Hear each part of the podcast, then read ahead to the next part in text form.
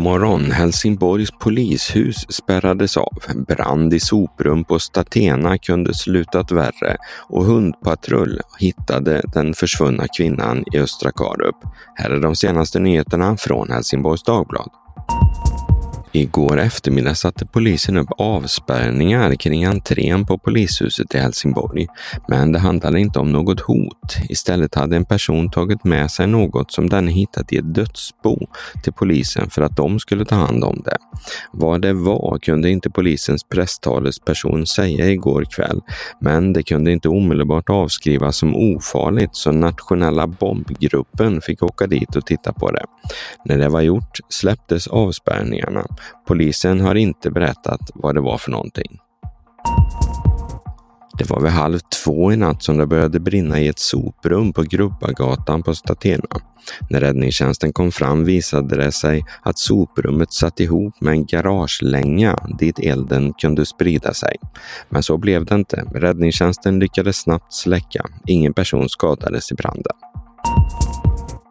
Den kvinna i 75-årsåldern som försvann från sitt boende i Östra Karup i Båstad i onsdags kväll var försvunnen under hela torsdagen då polis, militär och organisationen Missing People alla letade efter henne.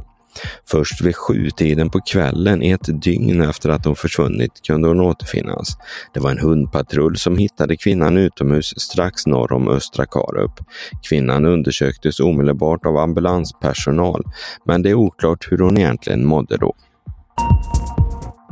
Det blir ett och ett halvt års fängelse för en Helsingborgskvinna i 65-årsåldern som lät en man hon förälskat sig i använda hennes konto för pengaöverföring. Hon träffade sin William 2019 på en dejtingsida. Han hade ett svenskt klingande efternamn men sa att han bodde på Nya Zeeland med rötter i Helsingborg. Allt med mannen kändes äkta, har kvinnan berättat. I samband med att han skulle uppföra en vindkraftpark behövde han hjälp med pengar, men det sa kvinnan nej till. Då bad han henne istället att ställa upp med sitt konto så att han kunde föra vidare pengar från vänner och kollegor. Det accepterade hon.